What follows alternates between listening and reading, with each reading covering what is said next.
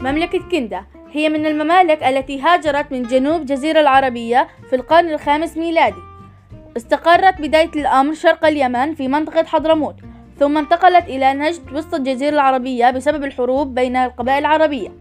وتمكنت بعد ذلك من تكوين مملكة قوية نتيجة اتحاد القبائل العربية تحت زعامتها. واتخذت كندا من قرية الفاو عاصمة لهم.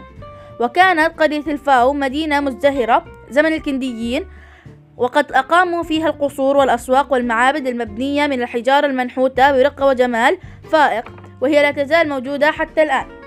وقد تميزت قرية الفاول بما يلي الموقع على الطريق التجاري وكانت عاصمة لدولة لها تاريخ عريق في الجزيرة العربية لمدة تزيد عن خمسة قرون واحتوائها على العديد من الآبار المياه وتوسعت مملكة كندا في وسط الجزيرة العربية وأصبحوا وسطاء تجاريون بين مملكة حمير من اليمن والمناذرة في العراق وبلاد فارس.